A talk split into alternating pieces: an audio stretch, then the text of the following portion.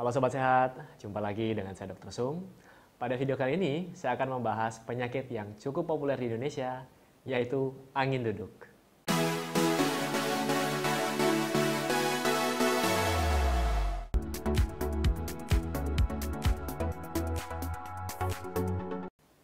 Nah, Sobat Sehat, istilah penyakit angin duduk di Indonesia ini sering kali kita dengar. Dan bahkan beberapa pasien saya bertanya seperti ini, Dok, boleh enggak saya keluar malam-malam? Nanti kalau kena angin duduk gimana? Nanti kalau kena masuk angin bisa meninggal enggak dok? Teman saya si A kemarin habis main bola duduk kena angin terus meninggal dok. Dan sebagainya. Nah di sini saya mau luruskan apa sih angin duduk itu? Dan semua ini saya akan jelaskan dalam video saya ini. Jadi perhatikan baik-baik.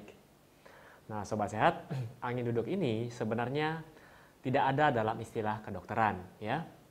Di sini kemungkinan besar angin duduk yang dimaksud oleh masyarakat kita adalah serangan jantung atau disebut dengan sindroma koroner akut.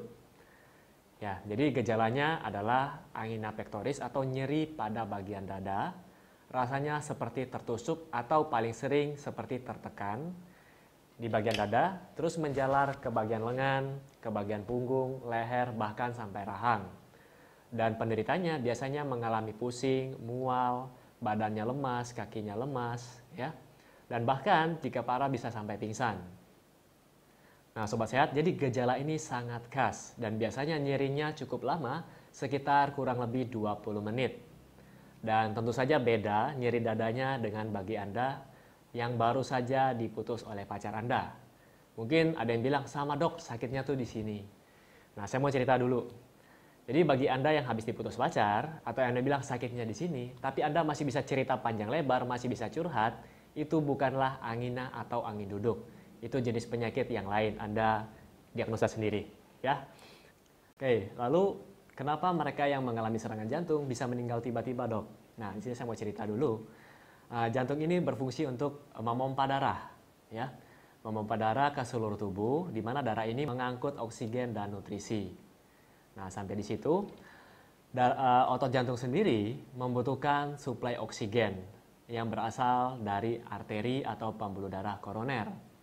Nah, di mana seiring bertambahnya usia kita dengan pola makan kita yang tidak baik, pola uh, aktivitas fisik kita yang kurang, di mana akan terjadi penumpukan plak atau kita sebut dengan aterosklerosis, di mana elastisitas pembuluh darah pun mulai berkurang, mulai jelek dan akhirnya mulai mengalami penyumbatan sedikit demi sedikit atau saya sebutkan dengan ongoing proses ke arah penyakit jantung koroner tapi belum menunjukkan gejala.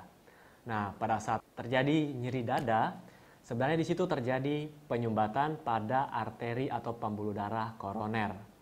Akhirnya, otot jantung tersebut tidak mendapatkan suplai oksigen sehingga akan mengalami nyeri yang kita sebut dengan angina atau yang masyarakat kita sebut dengan angin duduk. Nah, sebenarnya proses penyumbatan ini terjadi dalam waktu jangka waktu yang lama, tetapi saat puncaknya itu terjadi secara tiba-tiba dan jika tidak segera mendapatkan pertolongan akan mengalami kematian. Karena jantung berfungsi untuk memompa darah, sedangkan darah tadi mengandung oksigen dan nutrisi, akhirnya jika jantung tidak dapat memompa darah, otak kita tidak mendapatkan suplai oksigen dan nutrisi sehingga dapat menyebabkan kematian. Nah, sobat sehat, ada beberapa faktor resiko yang menyebabkan pembuluh darah kita menjadi menyempit. Jadi, yang pertama adalah kolesterol. Di sini kolesterol ada yang baik, ada yang jahat, ya. Mungkin saya bisa sebutkan LDL dan trigliserid itu yang jahat, di mana jika berlebihan jumlahnya akan mengendap pada dinding pembuluh darah kita dan mengalami yang namanya aterosklerosis. Nah, di sini lama-kelamaan pembuluh darah kita akan menyempit. Kemudian faktor berikutnya adalah diabetes, di mana kadar gula yang terlalu tinggi dalam darah juga akan merusak dinding pembuluh darah kita. Ya. Kemudian yang ketiga adalah hipertensi atau darah tinggi. Tekanan yang terlalu tinggi juga tidak baik untuk pembuluh darah. Lalu faktor berikutnya adalah stres.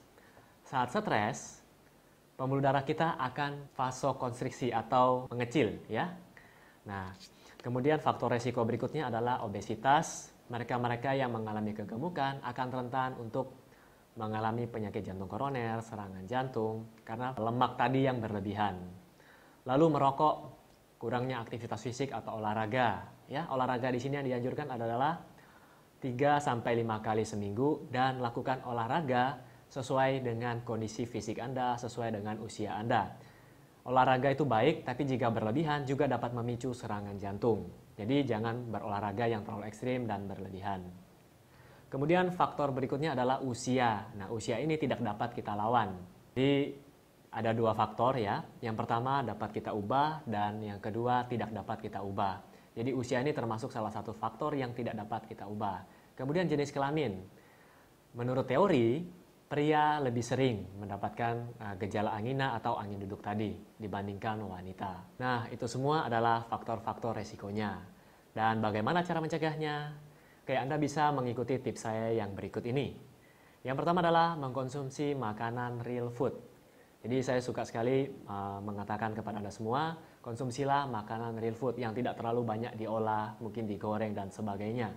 Apalagi ditambahkan pengawet, pemanis, dan perasa lainnya.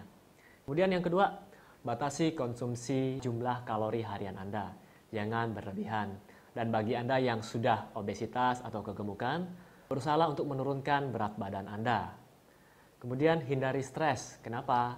Karena stres juga dapat memicu untuk terjadinya serangan jantung dan tidak baik bagi sistem organ Anda.